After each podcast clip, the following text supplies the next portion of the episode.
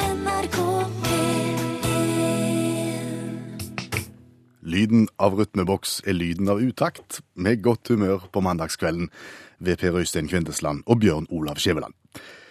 Og For å si det sånn, jeg har gitt opp å diskutere åpningen av programmet med deg, Skjæveland. Jeg vet du går for hattevits. 100 bombesikkert så går vi for hattevits, eh, sånn som vi har gjort eh, i- helt siden i høst, hvert eneste program.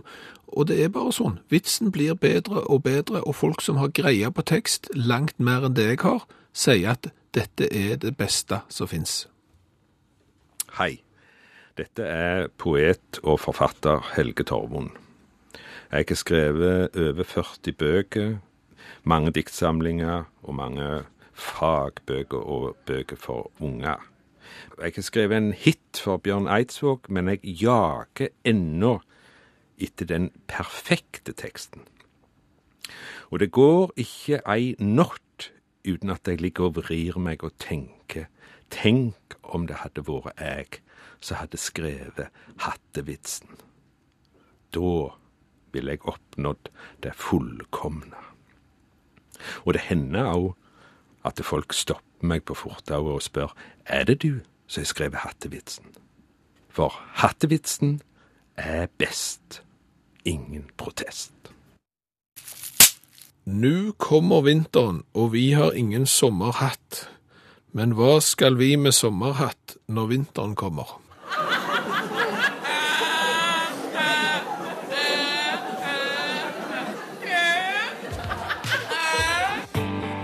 NRK P1 Om du kan fortelle Norges befolkning nå om den eh, TV-en du har stående nede i kjellerstua di, hvordan ser den ut? Den er ikke smal. Nei, vil du si han er ganske djup? Han er kjempedjup. Vil du si at han er ganske tung? Han er over 60 kilo. Ja. Eh, Er han, han er litt brei, sant? Ja. Ja. Var han dyre? Og enormt dyre. Ja. Er er det lov å spørre hvor mye han koster? Nesten 14 000. Nesten 14 000. Det vil si at du har et sånn et billedrørsfjernsyn som nesten ingen har lenger. Ja. Jeg var en av de siste som kjøpte det. ja. Du, du, var, du var så. Var det lurt? Ettertiden har vel vist at det, det fantes lurere ting å gjøre, men han som solgte han til meg, han sa at han aldri hadde sett et så godt bilde på et TV noen gang den gang. Nei. Eh, bare et kontrollspørsmål til. Kan den TV-en din vise de signalene som nå kommer fra all verdens D-kodere? Altså sånn high definition, sånn skarpt bilde, kan han det? Nei. Nei. Så, så dermed så passer han veldig godt sammen med videokameraet ditt. Ja, for, det, stemmer det. For, for det kan heller ikke ta opp i sånn, sånn high definition. Nei, men det tar opp på kassett. Ja, det tar ikke opp på harddisk eller minnebrikke eller noe sånt. Nei, det tar opp på kassett hvis det rekker å ta opp, fordi at batterikapasiteten er såpass skral at det går gyselig fort til det. Ja, eh, er det lov å spørre hvor mye det koster? Litt over 12 000. Litt over 12 000. Jeg var en av de siste som kjøpte sånn et kamera med kassett. jeg. Ja. Eh, Og grunnen til at jeg eh, nå bringer det på bane, er for å vise hvor dyrt ting kan være som du ikke lenger har bruk for. For, for jeg har vært litt på jakt etter en eh, liten TV som jeg kan ha på hytta. Ja, da har jeg en strå... Nei, nei, nei. Jeg, han veier 60 kilo. Den kommer ikke til å være på noens i hytta. Du er noen- ikke interessert i den? Jeg er ikke interessert det. Nei, men, men dermed så har jeg vært ute litt på rubrikkannonser på internett og sett hva som ligger der. Og nå har jeg bestemt meg. Jeg kjøper nytt. Du har ikke funnet noe av interesse der ute på nettet? Nei, det er jo helt meningsløst. Fordi at, sett i lys av du som kjøpte TV til 14 000, videokamera til 12 Ja. Hvis du nå skulle solgt det, hva hadde du tenkt at du skulle hatt for det da? Nei, Da hadde jeg vel tenkt at jeg har lagt ut såpass mye. Det vel- blir vel til sammen 26 000 på de to komponentene. Og da hadde jeg tenkt jeg må jo ha igjen en del av det. Jeg skjønner jo at jeg ikke kan ta ufattelig med, med penger for det, for teknologien er jo ikke helt der oppe nå. Men jeg ville jo hatt litt igjen, så jeg hadde prøvd meg. Ja. Hadde det. Ja, Kan jeg få komme med et forslag? Gi det vekk. Altså, det har ingen verdi. Så- så- Sånn er det bare. Og det er akkurat den samme mekanismen som nå er på nettet. Jeg ser at folk nå skal selge den gamle flatskjermen sin, for det er faktisk sånn at nå skal de ha enda en ny flatskjerm, de skal ha en større. Og det er klart at når flatskjermene kom, så var de dyre. Folk betalte 20 000 og 25 000 og 30 000 for en TV, og når de nå legger det ut for salg, så tenker de akkurat det du tenker, jeg må jo ha litt igjen for det. Så skal de jo ha mer for en gammel, dårlig TV enn det jeg kan gå i butikken og kjøpe en ny for. Jeg forstår det, jeg. jeg. Jeg gjør det. Jeg, for å si det sånn, det er folk her som skal ha for en fem år gammel 42 plasma-TV, så skal de ha 4000 kroner. For å si det sånn, du kan gå i butikken og kjøpe en ny 40 tommer til 2000 kroner. Jeg kjøper nytt. Greit. NRK P1 Skal vi si litt om den henvendelsen som kom i programmet forrige mandag? Ja, Ragnhild Mestad hadde sittet på hytta si og spist gulrotkake. Og så tenkte du Så tenkte du OK, jeg har spist gulrotkake i mitt liv, jeg har spist eplekake i mitt liv, jeg har spist rabarbrakake i mitt liv, noen har jo sågar lagd eh, banankake, det fins potetekaker. Hva er det med kålrabien? Finnes det ikke kålrabikake? Hva gale har kålrabien gjort som ikke får være med på eh, kakeballetten? Så begynte vi å tenke går det an å gjøre noe med det. Og så tenkte vi hvem er mest glad i mat her i personalet? Jo, det er deg. Ja. Du fikk ansvaret for å gå videre med den saken. Ja, og så husket jeg at jeg hadde snakket med ei kjekk dame som heter Marita Mæhle en gang, for hun er da norgesmester i kakebaking. Og når det gjelder kake og norgesmesterskap, så er det to ting som henger sammen, og da utfordrer jeg hun om hun kunne lage ei kålrabikake. Hva sa hun da? Ja takk. Hun sa ja takk. Ja, Og så? så er hun her nå. Ja. God kveld og velkommen, Marita. Jo, takk. Hva tenkte du når du fikk kålrabiutfordringen? Nei, da tenkte jeg ja, ja, jeg må jo være med på det. Har du prøvd det før? Nei. Kålrabi er lite brukt i konditorfaget. Ja, i hvert fall sånn jeg vet om. Så, så det vi skal gjøre i dag, det er verdensomspennende ny- nybrottsarbeid. Men vi antar at det er ingen i verden som noensinne har lagd kålrabikake før i dag. Og kanskje starte med en trend i kveld. Skal ikke se vekk ifra at nå kommer folk til å skrike etter Vet du hva, nei, jeg har ikke lyst på marsipankake når jeg går av med pensjon, jeg har lyst på kålrabikake. Vi sitter her, og, og hadde du som hører radio nå sett det vi ser, så hadde du sett en, en flokk med muffinslignende kaker. Ja, jeg tenkte det var litt kjekt å lage noen forskjellige muffins. Og, og, og hva har du her? Jeg har lagd vaniljemuffins og sjokolademuffins, og så har jeg hatt kålrabi har jeg oppi. Enkelt og greit. Fikk det en annen odør på kjøkkenet i stekeovnen din? Ja, jeg fikk sånn eh, lapskaus eh, Lukten av gåpla hogen. Det, lu- det lukta rett og slett middag av Ja, muffinsen. det gjorde det. Aldri vært feil med middag. Hva anbefaler du at vi starter med? Den eh, Ja, ta den vanilje-kålrabi-varianten. først. Ta vanilje først. Det er den. Vær så god, Per Øystein. Vaniljekohlrabimuffins Ja. for første gang I Med verdenshistorien. med kremosttopping. Ja, så bare si det. Jeg skal legge ut bilder av dette på Facebook eh, øyeblikk, så Vi teller til tre. Ja. Én, to, tre.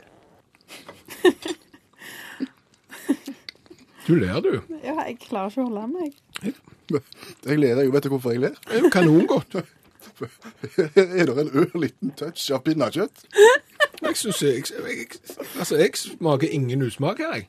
Men dere kjenner kålrabien òg, altså? Absolutt. Ja. Da går jeg på den andre. Skal du være med på den andre med Hva var det? kakao og, og kålrabi? Kålrabikakao. Det er, sjelden, det er sjeldne ord, så du blir, det blir aldri satt sammen til én setning normalt. det er Kålrabi og kakao. Men det er et bra bokstavrim. Mm. Alle tiders, jeg mener deg. Ja, det er ikke galt. Nei, Ikke gale, jo kanongodt. Ja, men du får, du får den der pinnekjøttgreia inn i muffinsen, og det, og det er rart. Vet du hva? Det her kunne du tatt og drukket med deg på, på 17. mai og solgt i kiosken på skolen når du skulle arrangere 17. mai. Ingen hadde reagert på at det var noe galt med dette her. Nei. Vel bekomme. Takk for det. NRK P1 Jeg tenkte kanskje jeg skulle bli kvitt fjernsynsapparatet mitt jeg, gjennom programmet i kveld og få litt for det, men nå er det altså en som da skal ha 100 kroner av meg for å ta imot det. Og vi, ja. Og, og, og fjernsynet du prøver å bli kvitt her, eh, hvis du ikke har hørt hele programmet, det er en 32-tommer widescreen-TV av den gamle sorten. Det vil si han er dypere enn han er breie, og han veier 60 kilo. 61. Ja, og, og skal du henge den på veggen, så ser det dumt ut. Det er helt sant. Vedkommende som skal ha 100 kroner for å ta imot, eh, hilser fra Alicante. Jeg vet ikke om jeg ville anbefalt å tatt med fjernsynet til Alicante. Nei, la oss si at du da reiser med et flyselskap som tillater 20 kilo med bagasje, så må du betale 40 kilo i overvekt, og så 100 kroner for at vedkommende skal ta over TV-en. Det er dårlig butikk. Men det var et veldig godt bilde i det. Det skal det, skal det ha. Eh, Kjekt å få, få melding fra deg som hører på. SMS til 1987, start med utakt. Du følger oss også på Facebook hvis du har lyst til det. Ja, og i og med at vi snakket om lyd og bilde og pris, så har vi fått eh, tips om å gå inn på en nettside til en eh, som selger musikkutstyr i eh, Norge, en kjede. OK. Og vi har fått beskjed om å gå og sjekke prisen på signalkabler. Kan vi gjøre et kupp på signalkabler i disse dager? Det er vel litt kommer vel litt an på hvordan du ser på det. Altså, en signalkabel, og nå leser jeg fra nettsida til dette eh, s- hifi-stedet her, en signalkabel tar imot signalet fra din lydkilde og sender det videre til resten av anlegget. En god signalkabel er derfor viktig for å bevare alle nyanser og den gode lydkvaliteten. OK. Hva skal de ha for signalkabelen som er såpass viktige? 111 995 kroner. Ja, det må de ha. Du sa 111 995 kroner. Gjett hva meterprisen blir da. Jeg vet jo ikke hvor lang han er. Han er én meter. Han er over 100 000. Ja, og, og for folk som har greie på dette her, for dette har ikke jeg, så, så det er mulig vi nå sitter og gjør narr av noe vi ikke forstår, men eh, det, dette her er da en såkalt fonokabel. Det er sånn som jeg har i stereoanlegget mitt, og så koster den 19 kroner og 50 øre eller noe sånt. Her koster den 111 995. Du kan også få en XLR, det er en litt annen plugg i andre enden. Den koster 111 995 kroner. Har de andre gode tilbud når vi først er i gang? Ja, fordi at anlegget ditt, stereoanlegget ditt, eh, hvis det da skal spille lyd, Ja. så må det ha strøm. Det sier seg sjøl. Da går det jo da en ledning fra veggen inn i apparatet. Ja, en såkalt strømkabel. Ja, eh, det vil du gjerne ha, vil du ikke det? Ja, har de tilbud på de? Ja, altså du får én meter for 35 000. Men det er da en, strømka det er en strømkabel av topp kvalitet, står det her. Eh, ellers så kan du få en to meter, da. da. Da går jo prisen litt opp til 40 000. Det er kvantumsrabatt. Ja. Da bør du gå for to meter. Ja, og, og som sagt, eh, mulig vi igjen snakker om ting vi ikke har greie på her, men, men jeg har jo sett elektrikere i arbeid, for jeg har jo bistått elektrikeren som jobbet hjemme hos meg. Og det er klart at fra veggen og til stereoanlegget, så er det gjerne bare en meter, og da kjøper du gjerne den kabelen til 35 000 kroner der. Men det går jo noe strøm inn i huset utenifra, og inni huset, inni røyr, inni veggen, så går det jo også noe strøm, og de koster jo ikke 35 000 kroner meteren, selv om elektrikeren har en del påslag. Så, så, så Så, så løpet er kjørt allerede når, når strømmen når veggen, tenker du? ja, jeg, jeg, jeg føler jo det, og jeg an- kan jo ikke mer om strøm, men at jeg tenker at hvis strømmen går inn i en ende, så kommer han jo ut i den andre. Han, mulig det kan bli litt varm i kabelen, at det er litt svinn der, men allikevel 35 000 for én meter strømkontakt, skal lyden bli bedre av det? Ja, hvis du har en god signalledning, eller hva heter det? Signal... Signalkabel til 111 995, da er mye gjort. NRK P1 Hvordan går det med førsteklassingen Vebjørn? Det går veldig bra. Det går veldig bra, og eh, s- det var jo kjekt i dag. Jeg kunne springe hjem fra skolen uten jakke, så fint vær var det. Det skal ikke mer til å glede en seksåring enn akkurat det. Nei. Men, men kunnskapen, vi har jo skjønt at kunnskapen gleder han også. Han har gått på skolen i snart et år nå. Det er oppsiktsvekkende hvor mye han har lært. Ja, eh, hypotesen om at det står dårlig til med den norske skolen er vel eh, motbevist en gang for alle, og jeg spurte han som jeg alltid spør han på mandagen hva han har lært. Vi lærte om Dalai Lama. Fredsprisvinneren som nettopp var i Norge, og som nesten ingen ville møte. Stemmer det. Vi seksåringer er ikke redde for litt politisk sprengstoff. Men hva lærte dere om han eh, Dalai Lama, da? For det første, det er ikke han Dalai Lama. Det er de. Er det flere Dalai Lamaer? Jepp. Til nå har det vært 14 stykker. Tibetanske buddhister mener nemlig at Dalai Lama er en av utallige gjenfødelser av Avalok etter svaret. Bodhisattvaen for medfølelse. Mellom det 17. århundre og 1959 var Dalai Lama overhodet for de tibetanske myndighetene og administrerte en stor del av landet fra hovedstaden Lhasa. Så Dalai Lama er nesten som en president, bare at alle heter det. Mer enn det, Dalai Lama anses som den øverste leder for den tibetanske buddhismen. Og han tiltales gjerne som Hans Hellighet Dalai Lama. Eh, Men du sa det var 14 stykker. Hvordan blir du en lama, da? Ikke vær respektløse, pappa. Lama er et dyr. Lama i denne sammenhengen betyr guru. Ja, Men hvordan blir du det, da? Når en Dalai Lama dør, leter munkene etter en gjenfødelse av han. Denne gjenfødelsen, kalt yangsi, er som regel et lite barn født på omtrent samme tid som den forrige lamaens død inntraff. Denne letinga kan det flere år. Ja, Men hvordan vet de at de har funnet rett eh, Dalai Lama? Tegn som tyder på en ny lama, er om barnet gjenkjenner tidligere eiendeler. Når man med sikkerhet mener å ha funnet rett person, blir den hjemfødte brakt til byen Lhasa, hvor andre lamaer begynner på barnets trening. Og han som er Dalai Lama nå, da? Han heter egentlig Tensen Gyatso. Han var femte av 16 unger i en bondefamilie fra Ando-provinsen i Tibet. Og to år gammel ble han gjenkjent som en gjenfødelse av den 13. Dalai Lama. Den 7. november 1950 ble han innsatt som Tibets statsoverhode 15 år gammel. Mm, Men han bor ikke i Tibet nå, gjør han det? Stemmer det. Og der kommer politikken inn. Han bor i landflyktighet i India etter at kineserne tok makta i Tibet. Alt du kan. Vært ei grei uke. Ja. Travelt. Ja. Det har vært travelt. Nei! NRK P1 Jeg bare kom på det når vi snakket om disse dyre kablene. Husker du når, når du var med meg inn på en, et sånn hifi-asyl og, og skulle se på en forsterker? Ja, Ja, du husker det? jeg husker det. Det har blitt et munnhell. Ja, det er et munnhell, for har du 30, så har du 60. Ja. Vi sto og så på en forsterker der, og, og, og vedkommende i butikken anbefalte for så vidt den til 30 000, men så kom det Har du 30 000, så har du 60 000, egentlig. Ja, Så da ville jeg heller gått for den. Ja. Ja. det er klart det. Har du 30, så har du fort 60. Ja, for å si det sånn, har du 30, så har du Kunne du brukt de andre 30 til noe annet kjekt? Det vanskelige er å komme seg ut av sånne butikker med æren i behold. Rygge sakte, sakte baklengs og si at jeg tenker litt på det og kommer tilbake. Ja. Siden har du ikke vært der. Nei. OK. Skikkelakke, skikkelakke, show, show, show. Bommelakke, bommelakke, bo, bo, bo. Skikkelakke, bommelakke, jazz, bom, bø. Julekake, julekake, hjemmebakt brød. Der, altså.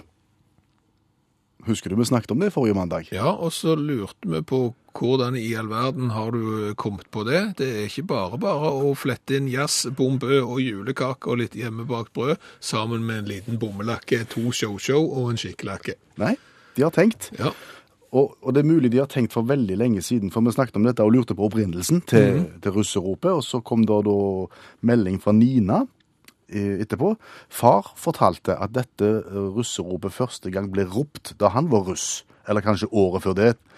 Iallfall så var det Henki Kolstad og broren Lasse som ble knytta opp mot ropet. Og han far, som hun snakker om, ville blitt 100 år i februar i år, så ropet har levd ei god stund, kan du si. Hilsen Nina, altså. ja jeg har funnet en eh, liten setning her som sier at russeropet skikkelakke oppstod i Oslo i 1934. Eh, Vi vet i hvert fall at det er gammelt. Ja. Og det er klart at da hadde de kanskje eh, litt andre ting de ville rope enn det russen ville rope akkurat i dag. Er det unaturlig å rope på julebrød? Nei, ikke hvis du kombinerer det med to skikkelakke, et par bommelakke og litt jazz. NRK P1 Så til spalten vi har valgt å kalle Du store muskedunder. Ja, den ble eh, unnfanget for et par uker siden, fordi eh, da kunne vi lese nyheten i norsk presse om at i Amerika så var det nå en pistol som ikke kunne avfyres med mindre det var eieren av pistolen som gjorde det. Det var fordi at du måtte ha på et armbånd som kommuniserte med pistolen, og dermed var det bare du som kunne skyte, og ikke en tilfeldig som kunne ta våpenet ditt og skyte på alt han så. Det likte ikke amerikanerne. Nei, det er klart. For det er jo grunnlovfesta det, at du skal få lov til å skyte på nesten hvem du vil. Det er jo alle Nå tiders. skal du være litt forsiktig. Ja, det var Men det som skjedde var at vår venn allmennlæreren med to vekttall i musikk, Olav Hove, han våkna fordi han sa at det finnes m- mye godt stoff i gamle pistoler. Ja. Blant annet så sist så snakket vi om eh, rakettpistolen. Ingen spesiell suksess. I kveld, Hove, så skal vi snakke om Andefotpistolen. Um, har det vært skipskapteiner, noen av dere? Ikke så ofte. Nei. Nei, det er bare når jeg må. Ja, da har jeg heller ikke opplevd mutteri. Mutteri er dødskjipt, og, og for å motvirke mutteri blant skipskapteiner, så utvikla en da det på, på 1700- og 1800-tallet den såkalte andefotpistolen. Det er en pistol som er forma som en andefot. Hvis de tar nå vekk tommelen, og så spriker de med fingrene deres, så har du de løpene som er på en andefotpistol. Og det var mange løp på han. Ja, fire stykk som Fi- Fire stykk som pekte i litt forskjellige retninger. Ja, fire retninger, vil jeg si. Og så var det utløsermekanismen i midten.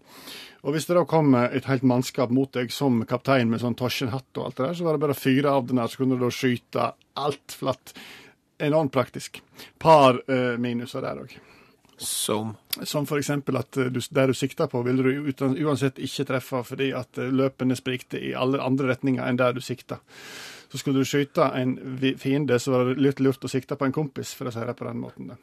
Ehm, gikk fort ut av, eh, ut av produksjonen, dette her òg, og, og, eh, og ehm, hadde sin, ha- fikk en liten renessanse på slutten av 1800-tallet, når folk begynner å demonstrere mot ting. Da var det en del som fant ut at eh, nå bruker vi den her stilige pistolen som kan skyte mange på en gang.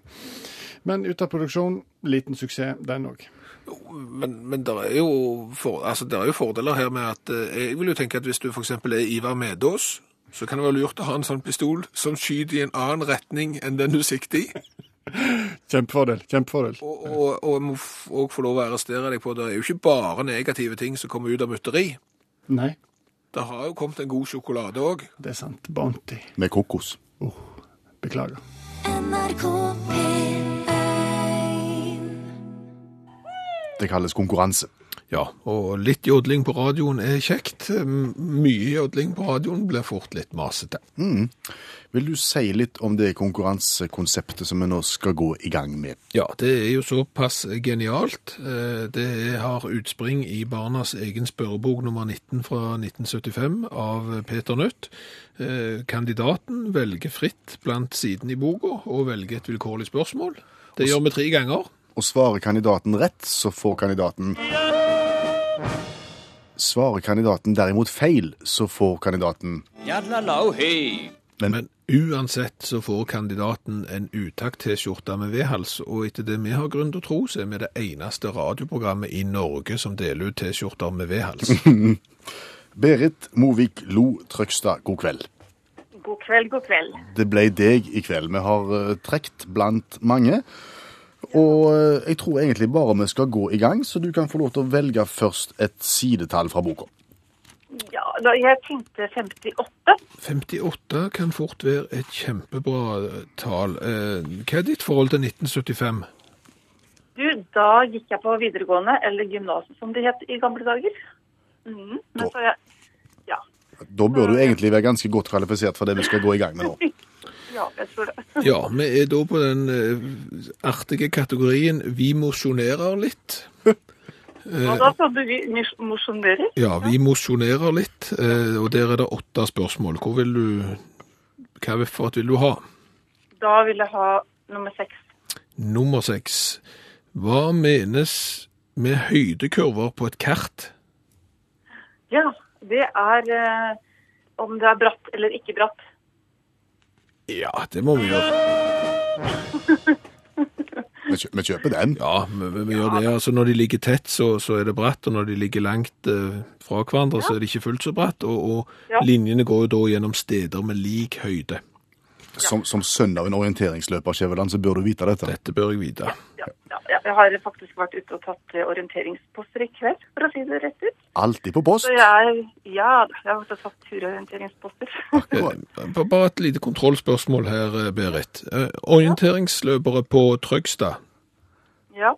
ha- har de òg et sånn litt, kan du si, litt frilunt forhold til det å skifte Og, sk- og skifte hva da? bekledning? Klær? Oi, ja, ja, ja. Du mener at man bare tar av seg, tømmer vann over kroppen og tørker seg? Ja, s- selv om det er Ja, ma da. mange til stede. Og, Ja. Ja. ja, det er en helt eh, naturlig ting for orienteringsløpere. Så- da, Da er det et interkommunalt eh, hva skal du si, fenomen. ja, det tror jeg vi kan si. Greit. Da vet vi det, da vet vi det, da har vi lært det. Spørsmål to, Berit. Hva sier vil du ha da? Ja, da tror jeg jeg vil si to. Ja, Boka begynner på åtte. Å ja, da, da sier jeg åtte, da. Da sier vi åtte. Kjenner du vår litteratur? Spørsmål 1 til 18. Da tar, da tar vi 18. Hvem har skrevet Ja, det var et spørsmål fra sist konkurranse, det. Ah, men det gjør ikke noe. Så da tar vi 17, Ja, ja. som egentlig henger sammen med 16, ser jeg her. For spørsmål 17 er hva het den trofaste piken som venta på ham? Og det er litt Etterpå. på ham. Og det er litt vrient, for det er jo egentlig 16 dette her har opphav i, så vi går tilbake til 16. Hva het Per Gunns mor til fornavn? Eh, Åse. Og da kan vi jo følge opp med 17, og hva het den trofaste piken som venta på ham, altså Per Gynt? Eh, det, det var da Solveig. Ja, dette er jo Du kan din, Per Gynt. Ja, Berit. ja da, ja da. Det er ikke noe problem. Da prøver vi siste spørsmål her. ja, hvor, hvor mange sider er det i den boka? da? 66. Da tar vi nummer 66. 66 eh, fra landet. Å ja da. Fem spørsmål bare. Bare fem spørsmål Det, her. Ja, det aller siste spørsmålet. ja. Hva vil det si å pode? Og pode vil si å ta en kvist og døtte inn i, en, i et annet tre. Ja, Så de vokser. det, det, er jo, det er jo for så vidt helt rett. Altså, skal du være, skal du være pinlig nøyaktig, så er det å sette inn en kvist fra en edlere plantesort på grunnstammen av en annen. Ja. Ja, det er pirk. Gode epler eller sånt. Ja. Mm. Nei, men dette er jo bra. Dette er 3-0 til Trøgstad, Berit. Ja, det er jo egentlig fire. Det er 4-0, egentlig. for- ja, ja. ja, jeg syns jeg var flink, jeg, da. Ja, det syns vi jo. Og så har vi avslørt eh, orienteringshemmeligheter, så, så bedre blir det ikke. Jeg tror det egentlig er internasjonalt, faktisk, også. Det er det hun gjør. Mm. Ha en god kveld, Ja, Berit. ja. NRK P1 Eh, For noen dager siden, i nabokanalen vår NRK P2, så tok de opp følgende i programmet Ekko. Nesten én av fire norske menn blir aldri far. Det betyr at 400 000 menn i Norge må regne med å forbli barnløse. Og det er mange flere enn for bare en generasjon tilbake. Men det er ingen grunn til å tro at ønsket om å bli far er mindre i dag enn for 30 år siden. Hvorfor er det da så mange barnløse menn? Ja, hvorfor det, Skjæveland? Det er så enkelt, så bare det. Dette er såpass alvorlig at jeg er ikke er sikker på om vi skal tulle det vekk. Nei, altså, jeg sier ikke at vi skal tulle det vekk, men jeg bare sier at forklaringen er enkel. Altså, hva ble sagt i dette programmet? Hvor, hvor, altså, hva tid begynte dette her på en måte å, å, å endre seg? Hvor langt tilbake skal vi i tid? Ja, De har en referanse på ca. 30 år. Eh, Referanse på 30 år. Hva tidsepoke er vi på da? Da er vi i 1984, da er vi på 80-tallet. Vi er på 80-tallet, det er helt riktig. Og kan du fortelle for eksempel hva du hadde på deg eh, i 1984 rent klesmessigt? Jeg var jo på høyden på mange måter. Du, du var, for å si det sånn, du eide modebildet. Ja. Ja. Vil du jeg skal begynne på toppen eller, eller nede? Ja, egentlig så skal vi midt på, men du kan jo ta toppen først. Ja, det, var, jo- det var jo høyt hår. Høyt hår var viktig. Kort med ørene og langt bak. Ja, det har ingenting med forplantning å gjøre, men det er greit eh, hvis du går helt ned. Eh, Seilersko. Seilersko, ja. Eh, 501 Levis dongeri. Da begynner vi å nærme oss det som er viktig, ja. Du hadde dongeribuksa. eh, Med belte. Med belte, ja. Eh, Kan du beskrive tykkelsen på dette beltet? Eh, Det var tynt og smalt. Ja. Eh, Og gjerne i pastell og skinn. Pastellskinn, ja. Ja. Eh, Og opp forbi eh, Leves 501. Der hadde vi gjerne en, en tjukk genser. Gjerne en sånn mohair-genser. Lodden sådan. Ja, altså en, en form, et strikkeplagg. Ja. Eh, Så du sier lodden, altså litt eh, og varm. ja, også den i pastell. Gjerne det, ja. Ja. Eh, Hva, hang den genseren ut på buksa? Nei. Nei. Den var stappet oppi buksa, Ja. godt oppi buksa, og så knytta stramt igjen med dette skinnpastellbeltet tynt. Ja, og der har du fasiten. Bekledningen. Altså, der er det en generasjon med mannfolk som i 1984-1985 har hatt dongeribukser med smalt belte. De har stappet en svære ullgenser av type mohair ned i buksa, og dermed gjort sånn at temperaturen i den nedre regionen har jo skre- steget langt over foreskrevne 32 grader. Og det er klart at når du går med det både i 84, 85 og noen slengere ut i 86 i tre år, så har du jo kokt vekk det som finnes av forplantningsevne der nede. Det var Så mildt. enkelt er det jo bare. Det er jo ikke verre. Det, det var mildt. Det var mildt, den her, jeg skal inn- innrømme det. Men, men, men er det en kobling mellom, mellom varme rundt de områdene der og manglende forplantningsevne? Ja, altså, og jeg leser. Altså, testiklene henger på utsiden av kroppen for at temperaturen skal være 32 grader og ikke 37, sånn som resten av kroppen. Blir testiklene for varme, så, så går det utover kvaliteten. S sant? Det var mer enn 37. Det var jo og 51. For å si det sånn, noen kombinerte jo dette med de aller første bilene med varme i setet, gjerne femtrinns òg. Og og det er klart at når du da har eh, mohairen nedi uten noen form for lufting, så, så er det beklagelig å så si at motebildet har nok gjort at det finnes en del eh, barnløse eh, mannfolk der ute akkurat nå. Etter det vi har grunn til å tro. Ja. NRK P1 Og, eh, Kan jeg få komme med en påstand? Det kan du godt. Da gjør jeg det. Sikkert er usikkert. Er det HMS-spalta nå? Nei, hadde ikke tenkt det egentlig. Men det kunne det jo være. Hva er, hva er HMS-ens verste fiende? Det er improvisasjon. Stemmer. Nei, det var ikke HMS. Hva, sikkert er usikkert, er påstanden min. Utdyp følgende påstand. Sikkert er usikkert. La meg gjøre det. Eh, Kan du stille meg følgende spørsmål? Eh, Vil du være med å spille fotball i morgen? Mm, Vil du være med og spille fotball i morgen? Ja, kan sikkert det. Eh, En til. Si at du gruer deg enormt til eksamen i morgen. Jeg gruer meg veldig til eksamen i morgen. Går sikkert bra. Ja. Mhm. Hører du hva jeg prøver på? Eh, Du prøver å si at det ikke er helt bombesikkert at du verken kan være med og spille fotball, eller at det går godt på eksamen, men kanskje gjør det det allikevel. Sikkert er usikkert. Når du legger inn sikkert Ja, i, i, i svarene dine, så legger du inn en tvil. ja for, du Det kunne er sagt, fi- ja. for jeg kunne spurt vil du være med på fotball i morgen, så kunne du sagt ja. Ja, Og da hadde du vært helt sikker på at det kom. ja. Eh, eh, Og jeg kunne sagt jeg gruer meg på, til eksamen i morgen. Det går bra. Du hadde ikke trodd på det da, eller? Nei. Men, men det, det er helt snodig. Ja, Du, du, du, du spor av tvil i det øyeblikk du slår fast at noe er sikkert det. ja. Mm. Du må over på bombesikkert for at det skal være sikkert. Ja. Sikkert. Ja, det virker sånn. Ja, de gjør sikkert det. Ja. Men, ja, men det er litt spesielt. Men hvor kommer bombesikkert fra? For det er jo ingenting som er mer usikkert enn en bombe. Så det du har er at sikkert er usikkert, og bombesikkert, som jo er usikkert fordi det kan smelle, det er sikkert. Poenget er at når det er bombesikkert, så er det sikkert fordi at det tåler ei bombe. Tror du det? Ja, Det er ikke fordi at det var en som sto ved siden av når det smalt. jeg er ikke sikker. NRK P1 Vi skal til Danmark. Dags. Dags. Dags.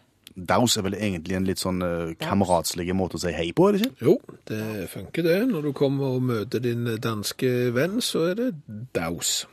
Og utgangspunktet vårt er alle de artige danske ordene som vi gjerne kunne lært litt mer av. Ja, eh, danskene er flinke både til å sette sammen ord og skape nye betydninger, og de er ikke minst flinke til å sette de i verk, det vil si få de inn i den danske ordboka og gjøre det til offisielle ord. Og du er flinke til å finne de artige og presentere de for meg, og så skal jeg gjette hva de betyr. Ja, og vi skal i dag til et ord fra 1997. Er det vanskelig? Vet ikke. La oss høre ordet. Gastronaut. Var det det jeg tror det var? Ja. En gang til. Gastronaut. Gastronaut. Gastronaut. Ikke en astronaut, men en gastronaut. Ja. Ja, hva er det? Altså, en, en astronaut er jo en som har greier på Som, som er god på rom. ja, eventuelt en alkoholiker. Jeg har jo god, god greie på rom. Nei, det er jo frekk. Uff, nei, den, var, den trekker tilbake. Den var tåpelig. Unnskyld. Nei, eh, astronaut, god greie på rom, ja. Ja, Men en gastronaut har jo da greier på mat i en eller annen form. Nei. Eller mage. Ja, nå må du bestemme deg. Ja, eh, eh, ga- gastro jeg tenker, det, jeg tenker det kan det være en, en magespesialist. En som, en som reiser inn i magen til folk med hjelp av instrumenter. Jeg en er en- slags, jeg, jeg er en gastronaut. Det er min egen hemmelighet, som ingen andre vet. Nei, men, men eh, det var ett av to valg du hadde, og du gikk til venstre når du burde gått til høyre. Det handler om mat. Det handler om mat, ja. Er rett og slett en kokk. Nei, men det er da en person som er interessert i god mat, Ja. og som er villige til å reise langt for nye smaksopplevelser. Fiffig. Altså Det er rett og slett nesten som en matturist, kan du si. Istedenfor å reise til Syden for å legge seg på sandstrand, så reiser du til eksotiske land for å smake på ting du ikke har smakt på før, fordi du er så glad i mat. Og da er du en, Gastronaut. og det har du lært i programposten, Dags. NRK P1 Lurer du på hva du bør lese på senga, og som ikke alle andre leser? Her følger nå allmennlærer Olav Hoves boktips, og i kveld så handler det om Olav Wartime messages, eller eh, krigsmeldinger, som det heter på nynorsk. Hva er dette for noe? Det er rett og slett en bok som handler om eh, meldinger som ble sendt under krigen. Det er, det er Duttrich Brothers, eh, altså noen brødre, må jeg anta, som har gitt ut denne boka her. De, var, jo, eh, de, som var, de drev et firma som, som var, var grossist for begravelsesagenter. Altså de solgte ting og tang som kan være greit å ha i en sånn begravelsesbyrå. Kiste, vil jeg tro, og sånt. Eh, og, og under krigen da, så sendte de en del meldinger til de de solgte disse tingene til. De meldingene har de samla i ei bok, av en eller annen fordømt grunn. Jeg veit ikke hvorfor. Men det er masse høydepunkter, og kan jeg få lov å lese høyt? Vær så god. Vi har funnet det nødvendig pga. tallrike økte kostnader for å øke våre priser. Materialet er vanskelig å få tak i, og japansk eik har økt med 62,5 og engelsk alm med 50 Ja, det var en av meldingene. Fantastisk eh, situasjonsrapport fra krigen. Og Sånne type meldinger har de gitt ut i bokform. Ja, det har jeg gjort. Men det er enda flere jeg skal ta en til. Ja, gjør det. Ja. Med bensinrasjoneringen vi har nå, og vanskeligheten vi har med å kjøre etter merkets frembrudd, så, og har vi i tillegg har mangel på arbeidskraft, så vil mange begravelsesagenter nå foretrekke å sende lik med tog i stedet for likbil. Det er nok en melding som har gått ut. Ja. Men er det bare sånne gørrkjedelige meldinger som forteller om at materialkostnadene har gått opp, og eh, slutt å sende lik med bil, send de med tog? Nei, nei, nei, det er en del eh, humoristiske perler òg som, eh, som er blitt eh, eh. Skal jeg lese det, kanskje? Skal jeg ta ei perle? Ja, gjør det. Jeg velger i fleng. Tidlig om morgenen 9. september i 1940 ble en av Hitlers bomber funnet nær vårt sagsbru- sagbruk på Haggerston. Det kan være at firma, vårt firmas omdømme har trengt inn i Tyskland. Funnet har hatt liten effekt på vår produksjon. Er det noen eh, indikasjon hvem denne boka var mynta på, og hva de skulle bruke den til? Nei, det er ikke det, altså. Men soving på senga er jo perfekt. Jeg kunne tenkt meg å hatt den for når jeg sliter å sovne. Så, så kunne jeg ha slått opp på litt om konsumprisindeks på kiste på 40-tallet og sånne ting. Det er rart med det. Det er utrolig søvndyssende. Du vil telle kister og ikke sauer. Ett lik, to lik. Skulle det bli flere lik, så er det bare å ringe. Vi må takke allmennlæreren med tovektig musikk, Olav Hove, som anbefaler bøker for oss. NRK P1 Vi skal snart gi oss, og så er det Bjørn Olav Skjæveland og Per Øystein Kvindesland som lager programmet hver mandag mellom 22.05 og midnatt. Ja, og tusen takk eh, for innsatsen, alle sammen som har hørt på, og alle sammen som har bidratt på Facebook og på SMS, og alle de andre sosiale mediene som vi ikke behersker så godt. Send oss gjerne ideer, tips, innspill på hva vi skal ta for oss i neste program. Så skal vi bruke ei uke på det, og så blir det kjekt neste mandag òg. Takk for oss, og god natt. Hør flere podkaster på nrk.no podkast. NRK P3